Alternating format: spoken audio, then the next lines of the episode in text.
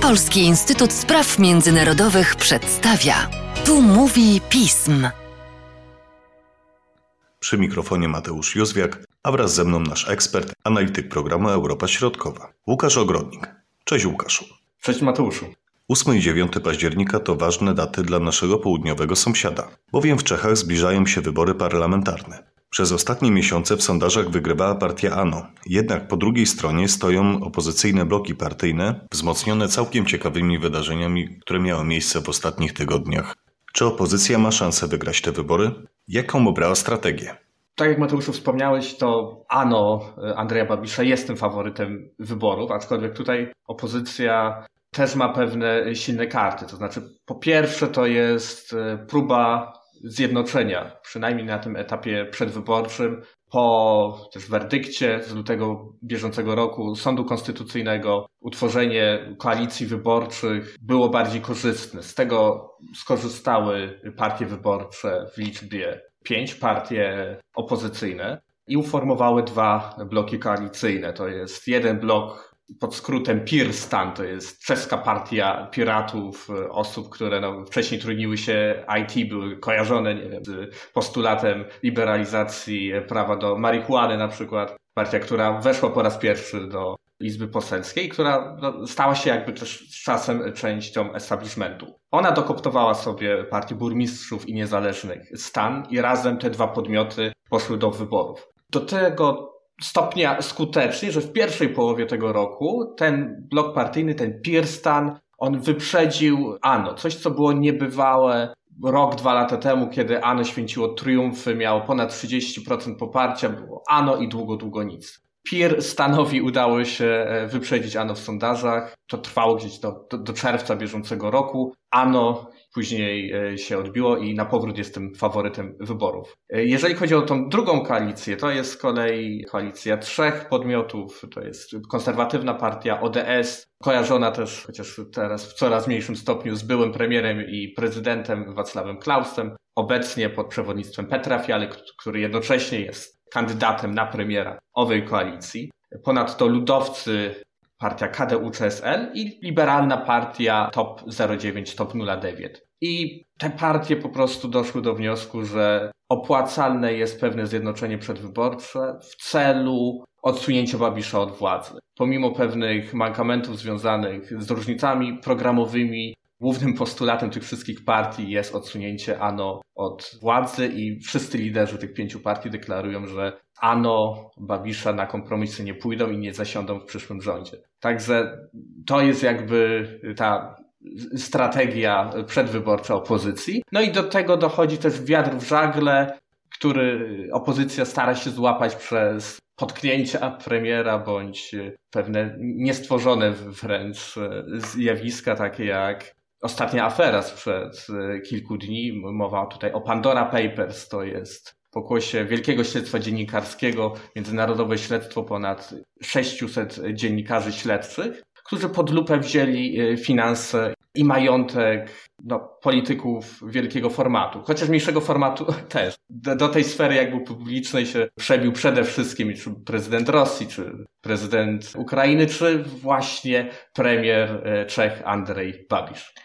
Łukaszu, nie da się ukryć, że sprawa Pandora Paper budzi duże emocje w ostatnich dniach. Jednak co oprócz tego pojawiło się w ostatnich tygodniach na ustach Czechów?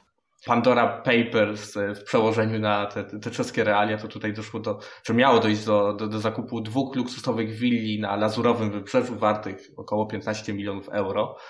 Natomiast Andrzej Bawisz mówi, to było dawno temu, w 2009 roku, zanim e, wszedłem do polityki. Więc, e, no cóż, Andrzej Babisz jest krezusem e, Czech. To jest drugi najbogatszy obywatel Czech, więc jakby fakt posiadania tak luksusowych nieruchomości nie jest tutaj szokujący. Natomiast może no, podważać pewną wiarygodność Andrzeja Babisza. To znaczy w kampanii wyborczej do, do niższej Izby Parlamentu Sniemownej w 2013 roku na przykład przykład Andrzej Babisz atakował spółki typu offshore, naciskał na pewną transparentność w życiu publicznym, w finansach państwa, tak? Więc tutaj jakby zakup przez y, spółki typu offshore dwóch willi na Lazurowym Wybrzeżu, no co prawda lata temu, ale jednak to średnio licuje z tymi postulatami, które Andrzej Babisz od lat jakby tutaj y, sygnalizuje. Inne tematy sprzed y, Pandora Papers to, to temat na przykład migracji. Tutaj Andrzej Babisz ma też silne karty, jeżeli chodzi o tą jego sytuację, bo jokerem w jego talii jest Miloš Zeman, który zapowiedział powierzenie mu misji tworzenia rządu, nawet jeśli jedna z tych wspomnianych koalicji wyborczych, opozycyjnych wygra, no ale Ano jest tam, idzie w pojedynkę jakby do wyboru. A drugi Joker związany właśnie z tym, z tym tematem przedwyborczym, to, to, to jest premier Węgier Viktor e, Orban, który udzielił znaczącego poparcia Andrzejowi Babiszowi. Nawet e, w ostatnim tygodniu pojawił się na spotkaniu przedwyborczym w Uściu nad Łabą, Y, dlaczego tam? Ponieważ tam w tym, w tym mieście, w kraju usteckim Andrzej Babisz kandyduje. Mamy temat migracji i mamy też temat oczywiście pandemii. Tutaj z kolei ten temat, on pewną czkawką odbił się Andrzejowi Babiszowi. No, statystyki są bezwzględne. Od początku pandemii ponad 30 tysięcy Czechów zmarło na COVID-19. Liczba czy odsetek osób zaszczepionych to jest około 55%, więc poniżej średniej unijnej. Także o ile w tej pierwszej e, fali pandemii tutaj Czechy były stawiane jako wzór, jako pewna awangarda w radzeniu sobie z pandemią, później ta jesień ubiegłego roku no, pokazała, że te, te statystyki i zakażeń, i, i śmierci spowodowanych COVID-19 są tragiczne. Także oczywiście też temat ochrony zdrowia, radzenia sobie ze zdrowiem to e, w tych, w tych czasach pandemicznych to też jest duży temat. No oprócz tego są też, nie wiem, kwestie polityki budżetowej. Tutaj opozycja punktuje premiera, że to zadłużenie jest za duże, że inflacja jest galopująca, drożyzna pożera przychody Czechów. Temat infrastruktury, tak, więc tutaj Babisz chwali się na przykład w ostatnich dniach otwarciem kolejnych odcinków autostrady Brno-Praga, wsiadając do, do samochodu i osobiście jadąc samochodem właśnie z, z Pragi do Brna. Natomiast no, opozycja punktuje, z drugiej strony mówi, że w ostatnich latach ten rozwój infrastrukturalny no, był, był, był znikomy. No, co z tego, że na przykład Czesi w Europie mają najgęstszą sieć połączeń kolejowych. Zresztą kto z słuchaczy był w Czechach i poruszał się koleją, no to wie, że faktycznie i do mniejszych miejscowości, miasteczek tym pociągiem można bez problemu się dostać. No, skoro jednak e, ta infrastruktura czy jakość tych połączeń no, od, odbiega od pewnych zachodnich standardów, tak? Więc, więc to, to jest kolejny wątek. No i jest też wątek ochrony środowiska czy klimatu. W Polsce mówi się e, często, że ta kwestia turowa jest y, rozgrywana kampanijnie. Ona w kampanii wyborczej, czy ze strony opozycji, czy, czy ze strony rządzącej Babisza, bądź należy tutaj jeszcze dodać, bądź drugiej partii y, rządowej, bo jeszcze jest Czeska Partia Socjaldemokratyczna, czy SD, która też jakby aktualny rząd y, współformuje. Także przez w zasadzie żaden z tych głównych podmiotów kwestia Turowa nie, nie była eksploatowana. Co nie znaczy, że kwestie ochrony środowiska nie pojawiały się e, w kampanii na przykład zatrucie rzeki Beczwy w tych ostatnich tygodniach to był temat, który rezonował kampanijnie z tego względu też, że parlamentarna komisja wzięła pod lupę kwestię skażenia środowiska w tym wypadku.